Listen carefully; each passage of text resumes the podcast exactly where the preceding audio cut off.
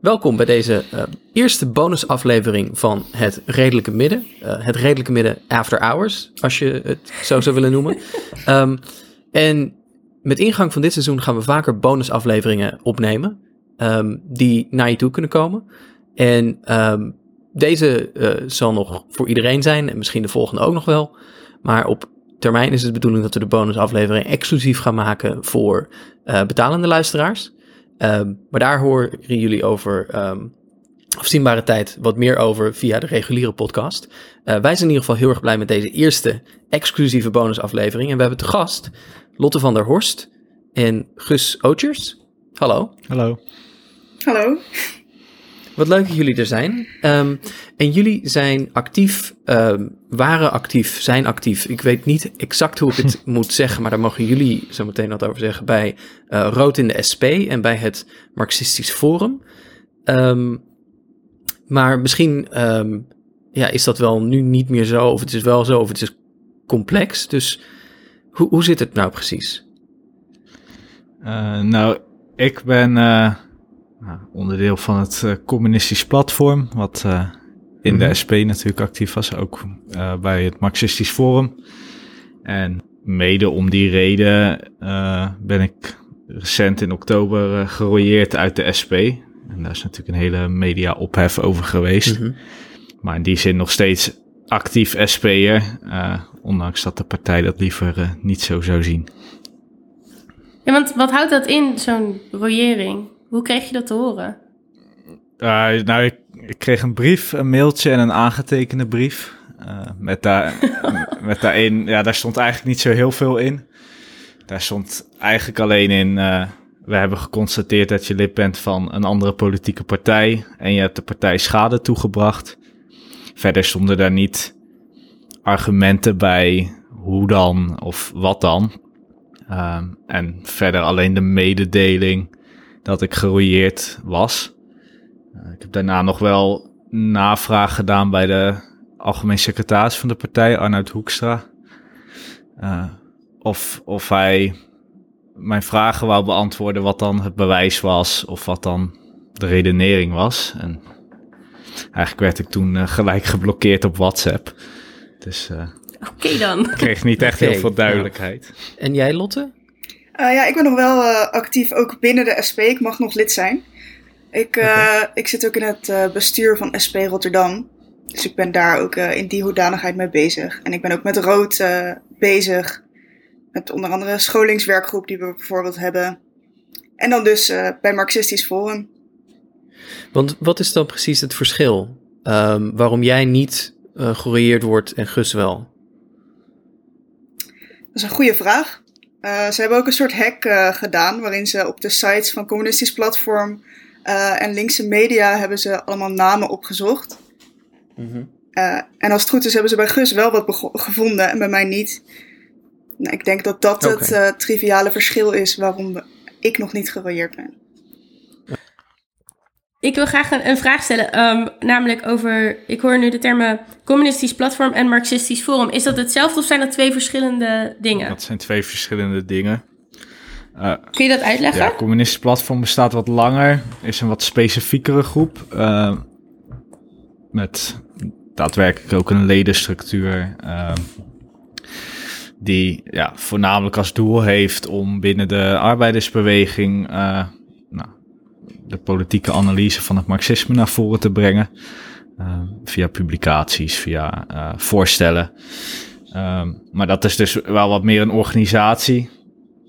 Marxistisch mm Forum is een recente initiatief binnen de SP. en dat is meer een overleg. waar ook andere groepen dan het communistisch platform welkom zijn. Dus het is meer een poging om kritische stromingen binnen de SP. Stromingen die meer democratie willen binnen de SP, om die bijeen te brengen. En daarmee gezamenlijke voorstellen te doen en die dan ook aan te dragen binnen de partij. Maar dat is, ja, het is meer een overleg mm -hmm. en niet zozeer een organisatie met ledenstructuren, contributie of dat soort zaken. Mm. Ja. Hey, Gus, jij bent geroyeerd en um, nog wel actief dan bij het communistisch platform en ook het Marxistisch Forum. Zie jij verwacht jij dat je toch wel weer kunt terugkeren in het lidmaatschap van de Socialistische Partij? Of ja, heb je daar nu niet zo'n gedachte bij? Wat is nou, wat ligt er in het verschiet voor je? Want je zult wel politiek actief willen blijven. Ja, uh, ik, ik hoop dat ik weer de SP in mag. Uh, mm We zijn ook uh, met de groeieerde en nou, een, SP'ers die zich hier druk over maakten, zijn we een initiatief gestart. vrij vlot na dat de royementen hebben plaatsgevonden. Uh, dat SP tegen de heksenjacht. Uh, nou, daarin constateren we dat eigenlijk omwille van salonveeg worden, uh, omwille van regeringsdeelname, de partij deze keuze heeft gemaakt. Dat is natuurlijk vooral een politiek vraagstuk.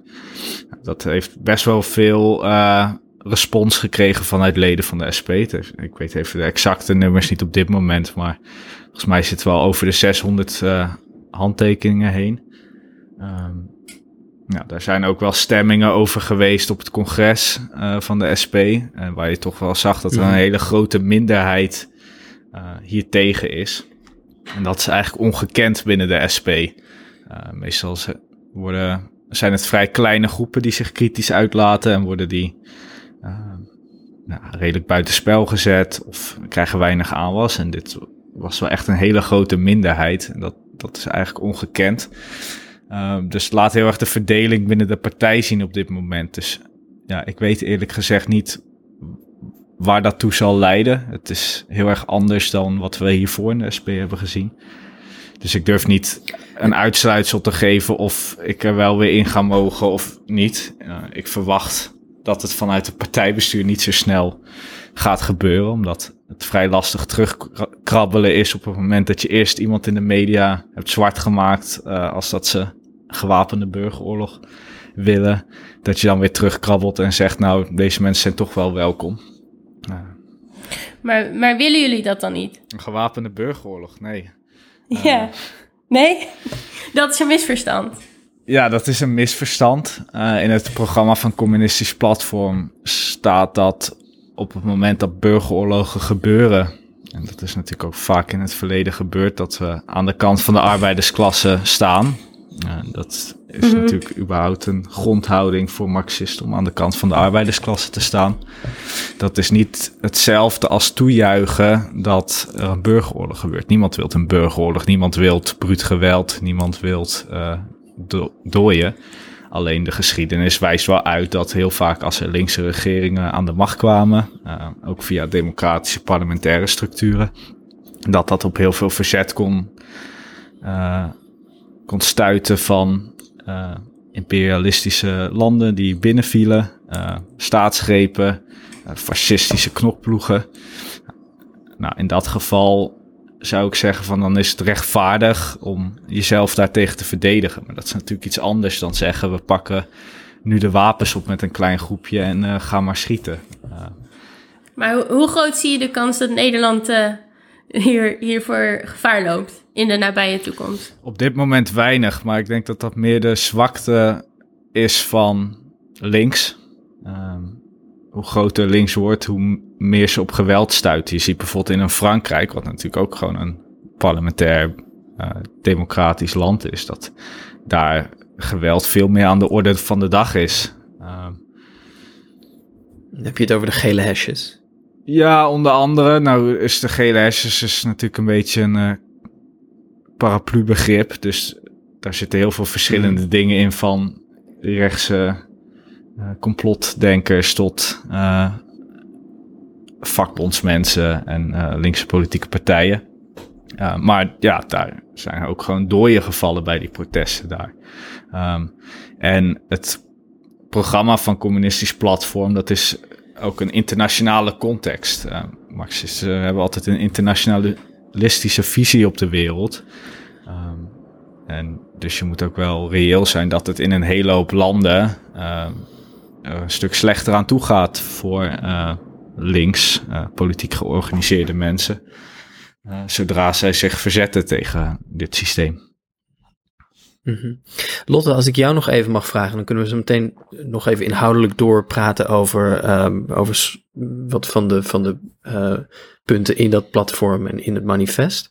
Um, jij zit in het bestuur van de afdeling Rotterdam. Um, Gus die had het net erover dat nou ja, toch een hele grote minderheid binnen de partij echt begint te morren en begint zijn stem te verheffen tegen de praktijken van de landelijke top. zie jij dat ook zo vanuit Rotterdam? Ja, zeker. Uh, in Rotterdam is eigenlijk een afdeling waar juist uh, echt wel de grote meerderheid staat ook achter de gerooieerden. We hebben mhm. ook een motie ingediend en aangenomen die zegt dat wij de rooiement ook eigenlijk niet accepteren. Dus wij, de mensen die gerooieerd worden in onze afdeling, die mogen gewoon actief blijven in de afdeling. En dus daar zijn we in Rotterdam heel erg mee bezig. Maar dat kan mhm. natuurlijk ook wel een vertekend beeld geven. Want Rotterdam is uh, al langer een kritische afdeling van de SP. Uh, en dan zie je dat wel terug uh, ook in het contact met andere afdelingen. Er zijn ook afdelingen die juist heel erg achter het partijbestuur staan. Dus het is vrij verdeeld binnen de SP. Nou ja, we hebben als SP ook een, een manier van werken waarin je eigenlijk met een soort van districten werkt. Dus het is ook heel erg moeilijk om in te schatten wat nou daadwerkelijk de, de hoeveel procent daadwerkelijk er zo over denkt. Omdat alle afdelingen gewoon een bepaalde afvaardiging hebben. En op de partijraad, maar ook op uh, het congres. Mm Dus het is een beetje zoeken wat nou de daadwerkelijke steun is die wij en uh, Rood hebben. Maar ik denk wel dat je overal wel ziet dat er veel mensen achter ons staan, achter Gus uh, en zo staan. En dat zie je ook uh, vooral zeker achter uh, onder het kader wel veel terug. Gewoon de actieve leden. Ja, en is dat dan, um, heeft dat dan te maken wat jullie betreft met um, verontwaardiging over de handelingswijze van het landelijk bestuur en van de landelijke top? Of heeft dat ook te maken met inhoudelijk waar dat communistisch platform uh, voor staat en de ideeën die worden gepresenteerd in het manifest? denk dat het belangrijkste is dat mensen vinden dat je dit moet kunnen zeggen binnen de democratie. En dat er ruimte voor moet zijn. En dat we de discussie aan moeten gaan. Heel erg veel leden proberen al langer de discussie aan te gaan over bepaalde onderwerpen binnen de SP. Bijvoorbeeld het mhm. migratiestandpunt is daar uh, lang uh, en eigenlijk nog steeds een goed voorbeeld van geweest. Waarvan dan vaak werd gezegd door de landelijke leiding dat het de discussie op, of op een ander moment plaats moest vinden of al geweest was maar er niet echt ruimte geboden werd om daar gewoon goed het gesprek over aan te gaan. Mm zeker niet afdelingsoverstijgend. Dus we hebben wel een periode gehad dat Jasper van Dijk aan alle afdelingen ging uitleggen hoe het standpunt van de SP dan was. Uh, maar niet dat we echt met z'n allen die discussie konden voeren. En dat missen heel erg veel mensen. Dus ik denk dat heel veel mensen die wel echt dat democratische gebrek heel erg zien, niet per se uh, de exacte ideeën van het communistisch platform hebben, maar vooral vinden dat het communistisch platform die ideeën moet kunnen hebben en ook ruimte moet hebben binnen de SP. Net zoals hun eigen ideeën. Jullie hadden ook, we hebben natuurlijk, een van de redenen waarom we elkaar spreken nu, is dat wij uh, twee weken geleden een aflevering hebben gemaakt, net iets langer dan twee weken geleden, um, over onder andere uh, jullie programma en over het uh, um, uh, over deze affaire binnen de SP. Daar hebben we niet toen voor u, met jullie gesproken. We zaten met z'n vier in de uitzending en we hadden gewoon jullie document gelezen. Uh, maar jij onder andere was op Twitter vrij kritisch daarover. Jullie vonden bijvoorbeeld uh, kritiek die wij hadden over dat um, er verwarring zou bestaan in jullie document over wat nou jullie um, uh, prioriteit is. Is het nou marxisme? Is het nou socialisme? Is het communisme? Wat zijn nou de verschillende betekenissen van die termen? Um, daar hadden jullie kritiek op en jullie hadden ook kritiek op. Bijvoorbeeld iets wat ik had gezegd, is dat het mij erg ja, toch overkwam als een kostuumdrama, als larpen. Ja. Um, van ja, jullie hebben gewoon, jullie zijn net iets te veel, zeg maar, echt die hele oude teksten ingegaan en hebben te weinig uh, stilgestaan bij de reële omstandigheden van het Nederland van nu. Um, maar we willen jullie dus ook even in de gelegenheid stellen om daar nog even op te reageren. Ja, ja nee, ik, uh, ik vond het een beetje kort, kort, door de bocht inderdaad. Vooral omdat ik het idee had dat je, uh, nou ja, gewoon niet genoeg van ons had gelezen überhaupt om zo'n uitspraak te kunnen doen. Ik snap mhm. best dat je dat in een podcast dan zegt hoor, maar ik ben het er gewoon niet mee eens. Omdat we juist, denk ik, heel erg bezig zijn met nou ja, wat zijn de omstandigheden van mensen? In welke situatie zitten ze? Wie, wie spreek je aan? En uh, het communistisch platform bijvoorbeeld is juist heel lang een site geweest die eigenlijk vooral uh, heel erg, waar heel erg gefocust werd op mensen die al heel erg in die theorie zitten. En dan heb je natuurlijk gelijk dat daar woorden in gebruikt worden en alles die niet iedereen begrijpt. Maar ik denk ook dat het wel aan ons is om die woorden dan uit te leggen en daar wel het gesprek over aan te gaan. En te kijken Mhm. naar wat, wat die analyses en die theorieën nou nu voor ons betekenen. Ja, want kan je dat misschien even kort uitleggen? Hoe jullie, eigenlijk vooral die drie begrippen, ben ik echt heel benieuwd naar hoe jullie dat zien. Marxisme, communisme en socialisme. We hebben namelijk net een andere aflevering opgenomen over taalgebruik. En eh, daar hebben we het eigenlijk ook gehad over, nou, dit soort terminologie en hoe die niet voor iedereen toegankelijk is. En hoe ook echt verschillende mensen hier hele verschillende interpretaties van hebben. En eh, nou, wij zijn dus wel benieuwd naar hoe jullie dat zouden uitleggen. Ja. Eh, ik denk dat al sinds eh, die ideeën bestaan, communisme, socialisme, marxisme, dat er daar enige verwarring over heerst. Ehm, en dat vaak begrippen ook door elkaar zijn gebruikt. Ehm, wat je tegenwoordig vaak ziet is dat eh, socialisme vaak wordt neergezet als sociaaldemocratie. Uh, of wellicht een iets linkse vorm daarvan. En dat communisme wordt uh, gezien als de dictaturen in, in het Oostblok van vroeger. Um, wat als je, als je teruggaat naar Marx gebruikte die de termen socialisme en communisme door elkaar heen. dat, dat was voor hem hetzelfde. En later zie je dat bijvoorbeeld een Lenin die gebruikt socialisme als de overgangsfase tussen het kapitalisme en het communisme. Um, dus wat dat er gaat, is dat ook weer iets heel anders dan socialisme als een soort sociaaldemocratie. Ik denk dat. Dat doen jullie ook, toch? Die, die, die twee termen zou gebruiken als Lenin. Uh, ik gebruik socialisme en communisme vaak door elkaar heen. als het einddoel van een klasseloze maatschappij. Uh, er zijn ook mensen, en die zitten ook in een communistisch platform, die het uh, eerder socialisme als een overgangsfase zouden zien. Um, mm -hmm. Want dat lees ik ook in het manifest van, ja. van uh, het verkrijgen van arbeidsmacht is de eerste stap naar het communisme. En dan daartussen zit een fase van socialisme. Ja. En waar komt het marxisme dan om de hoek kijken? Ja, marxisme is meer een methode, een manier van naar de wereld kijken. Uh, daar komen ook natuurlijk politieke conclusies uit voort uh, over hoe de maatschappij er dan uit moet zien. Maar het is in eerste instantie een, uh, een manier van naar de wereld kijken waar je uh, kijkt naar hoe zit het productiesysteem in elkaar, um, welke tegenstellingen tussen groepen mensen zitten daarin en uh, tussen welke sociale, economische klassen zit daarin. En wat gebeurt er als die de verschillende sociale klassen met elkaar in botsing komen? Dus dat is, het is meer een methode. Als ik je goed begrijp, dan is het dus wel zo dat voor, voor jou, zoals ik jou nu hierover hoor vertellen, is het marxisme de methode om hiermee bezig te zijn. Uh, socialisme een tussenfase, maar communisme wel echt het uiteindelijk hoogste doel. Klopt dat? Ja. Dus je bent, eigenlijk ben je wel echt een zolderkamercommunist dus.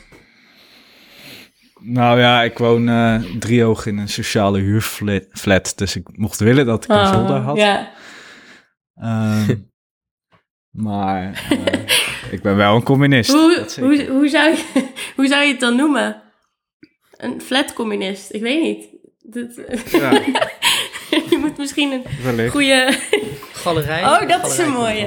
Oh, dat vind ik een mooie. Het is wel een dingetje nu hè, met corona. Nu we het sowieso allemaal binnen zitten, zijn we vanzelf een beetje uh, huiskamercommunisten. ja, dat is natuurlijk waar, ja. Ja.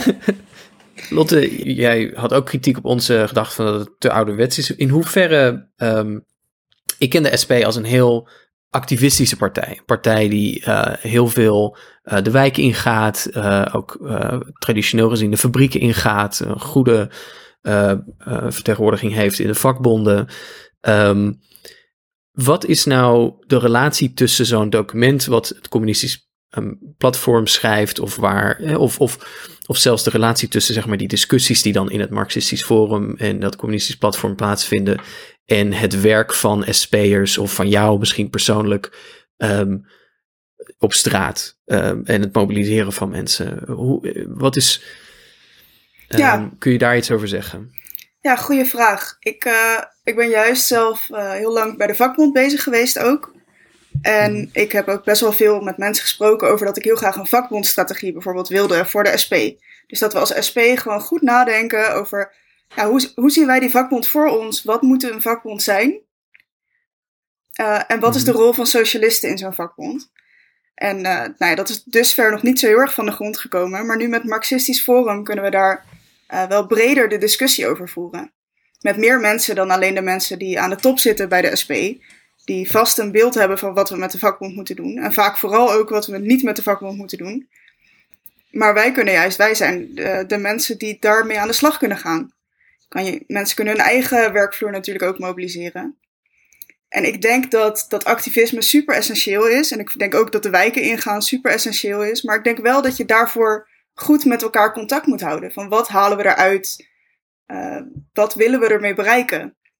Ik denk dat alleen uh, naar de, de huizen binnengaan en kijken waar is schimmel en we lossen die schimmel op. Daarmee bouw je niet echt aan een arbeidersbeweging. Daarmee heb je wel, kan je soms concreet iemands omstandigheden veranderen en dat is supergoed. En ik heb ook uh, veel van geleerd. Maar ik denk wel dat het heel belangrijk is om ook dat grote verhaal met mensen te bespreken. En te bespreken waar je nou daadwerkelijk naartoe wil als socialistische partij. En ik denk om dat te bereiken, dat juist dingen als het Marxistisch Forum super essentieel zijn om die, die bredere, ook tactiek, maar ook uh, inhoud samen te bespreken. En verwacht je dan ook dat als je dat doet, je echt tot zo'n uh, brede uh, ja, ehm, beweging van de arbeidersklasse kunt komen? Nou ja, ik, ik, ik heb op zich geen illusies over de komende jaren dat we ineens een, een brandende arbeidersbeweging hebben ik denk wel dat we moeten bouwen aan het uh, klassenbewustzijn en aan het idee van jezelf organiseren. En ik denk dat hoe sterker we georganiseerd zijn, sowieso al hoe beter onze omstandigheden zullen zijn. Want je hebt gewoon meer mhm. macht, om, meer tegenmacht om, eh, om dingen te veranderen. Ik denk ook niet dat we zomaar, als we, zelfs als we in Nederland een supergrote arbeidersbeweging hebben, dan hebben we nog steeds niet uh, alle macht hier. Want daar hebben we denk ik gewoon meer voor nodig, ook in de andere landen.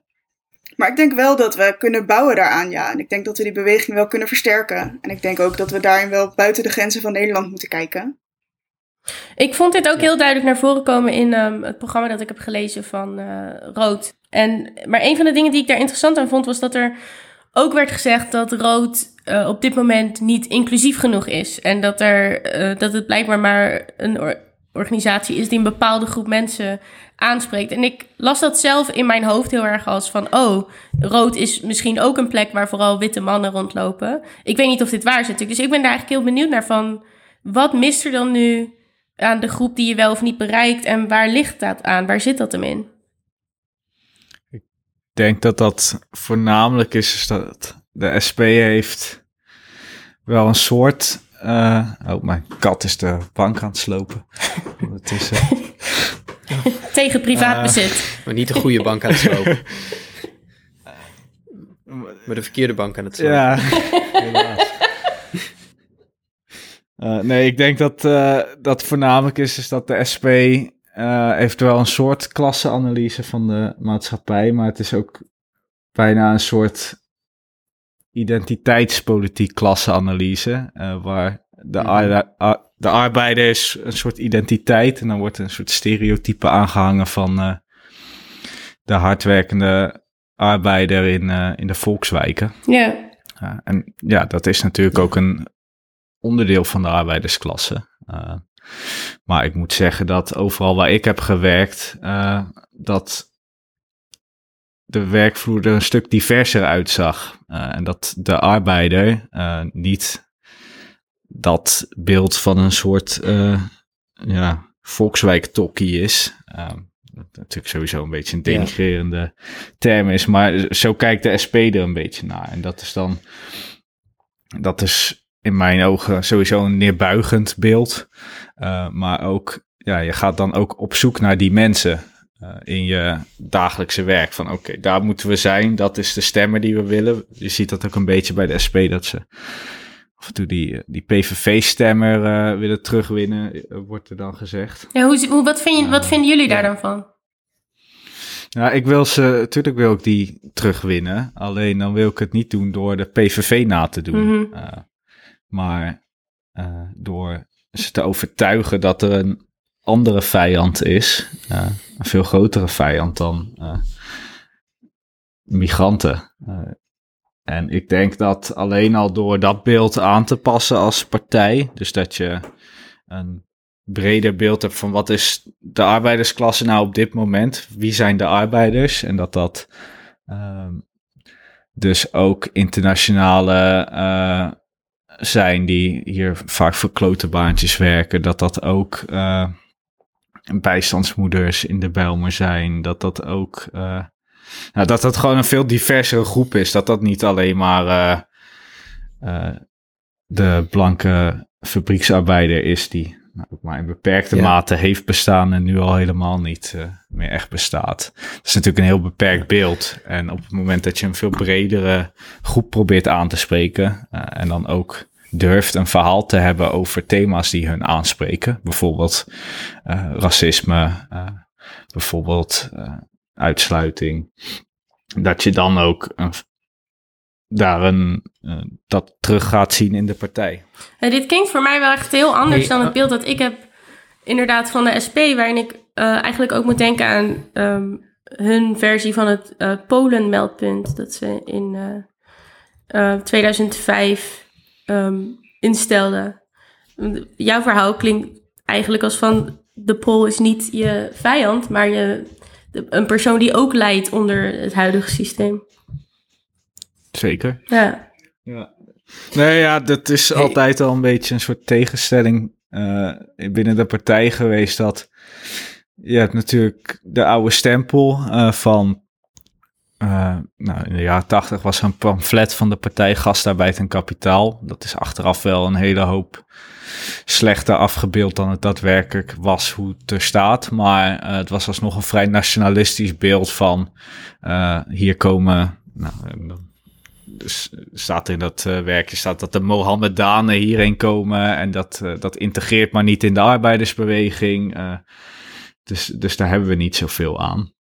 En, nou, je hebt een beetje die oude stempel, maar eind jaren 90, begin 2000 kwam, ja, groeide de SP heel erg, onder andere door de anti-oorlogsbeweging, waar ze een groot onderdeel van was. En dat leidde natuurlijk tot verkiezingsresultaat in 2006 dat de partij sterk groeide. Dus je hebt ook die andere groep in de partij die daar een heel andere visie op heeft. Dus dat de, SP hinkt daarin een beetje op twee benen, twee verschillende groepen leden die daar toch behoorlijk anders over denken.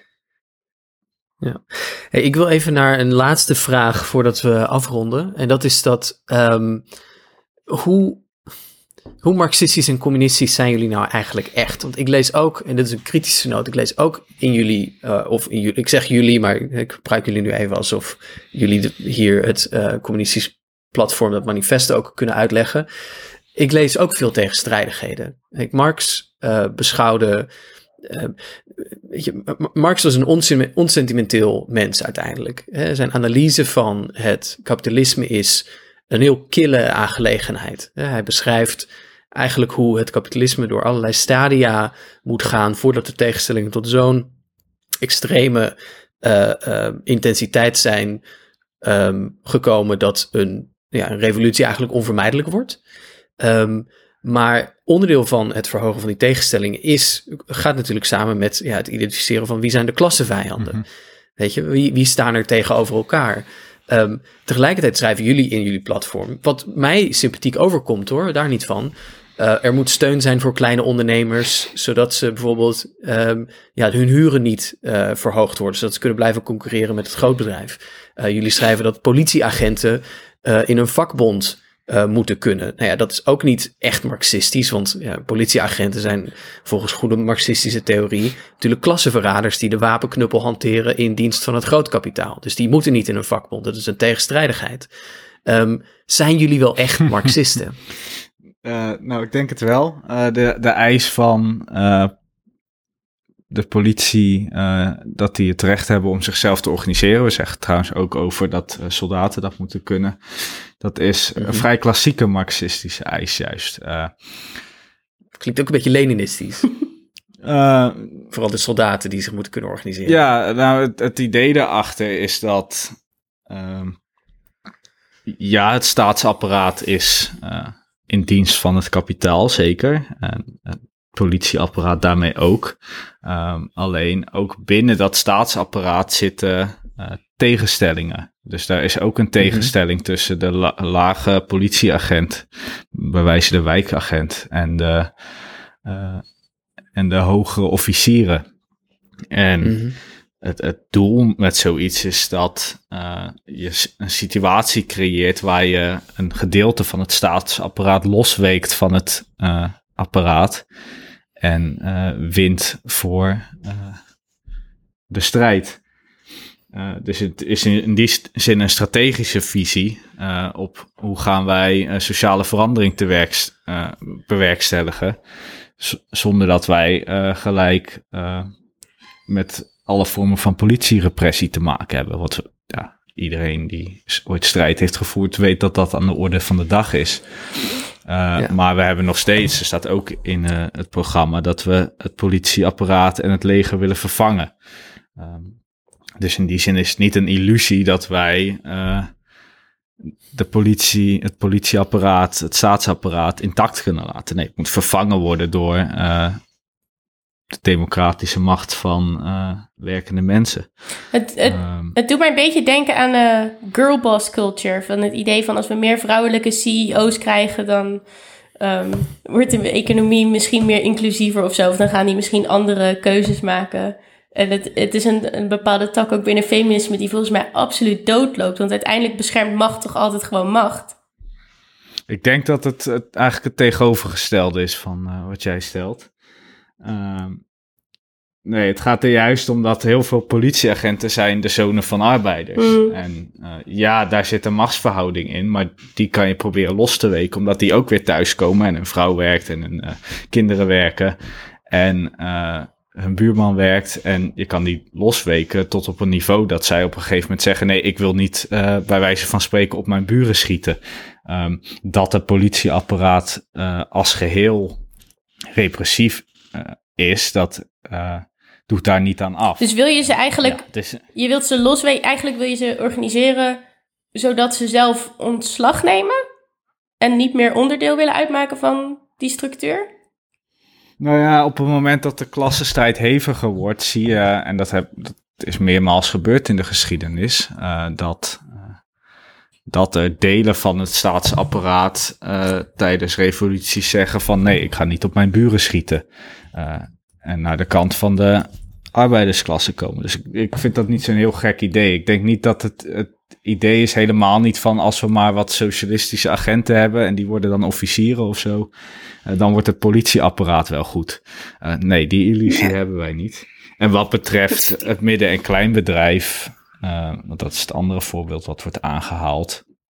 wat we vaak zien op links, en de SP doet dat bijvoorbeeld heel erg, is proberen het midden- en kleinbedrijf voor zich te winnen. En dat doen ze dan door te zeggen: nee, we maken wel wat uitzonderingen op arbeidswetgeving, bijvoorbeeld. Uh, het is vaak een discussie ook rond minimumloon. Van ja, als we dat verhogen, is het wel slecht voor het midden- en kleinbedrijf. Uh, en nou, veel onderzoek spreekt dat tegen, maar al zou het zo zijn, zou mij dat niet uitmaken. Omdat maar wat ik lastig... is de vrijheid om uit te bijten. Nou, wat ik lastig vind aan je verhaal is um, dat je eigenlijk ook met die politie... en dan hebben we het over een soort losweken voor als er een revolutie ontstaat... dat er dan een andere keuze worden gemaakt. Maar helemaal aan het begin van dit gesprek vroeg ik je... hoe waarschijnlijk uh, vind je dat dit in de nabije toekomst voor de deur staat in Nederland? Toen zei je nou eigenlijk op dit moment niet. Maar toch werk je toe naar iets een soort, eigenlijk dus heel idealistisch, waar ik best wel uh, uh, respect voor kan hebben, want ik uh, hou wel van een beetje idealisme. Maar uiteindelijk vraag ik me dus af, in de huidige omstandigheden, ja, als die revolutie dus ook volgens jou en volgens mij niet heel erg dicht om de buurt ligt, dan, dan richt je je pijlen toch alsnog nu verkeerd. Oh, het is een soort lange termijn investering voor wat, over 100 jaar? Ja, ik denk dat het daarvoor ook belangrijk is dat je wel tussendoor ook daar baat bij hebt. Als je politie hebt die goed georganiseerd is en die ook uh, aan de kant van de arbeider staat, uh, voor een deel, dan kunnen die ook al staken uh, op bepaalde momenten als er wordt ingehakt op, op demonstranten. Je hebt al best wel regelmatig, ook in Duitsland, mensen die staken, die daar niet aan bijdragen. En nu is dat niet een groot genoeg groep om daadwerkelijk macht te hebben.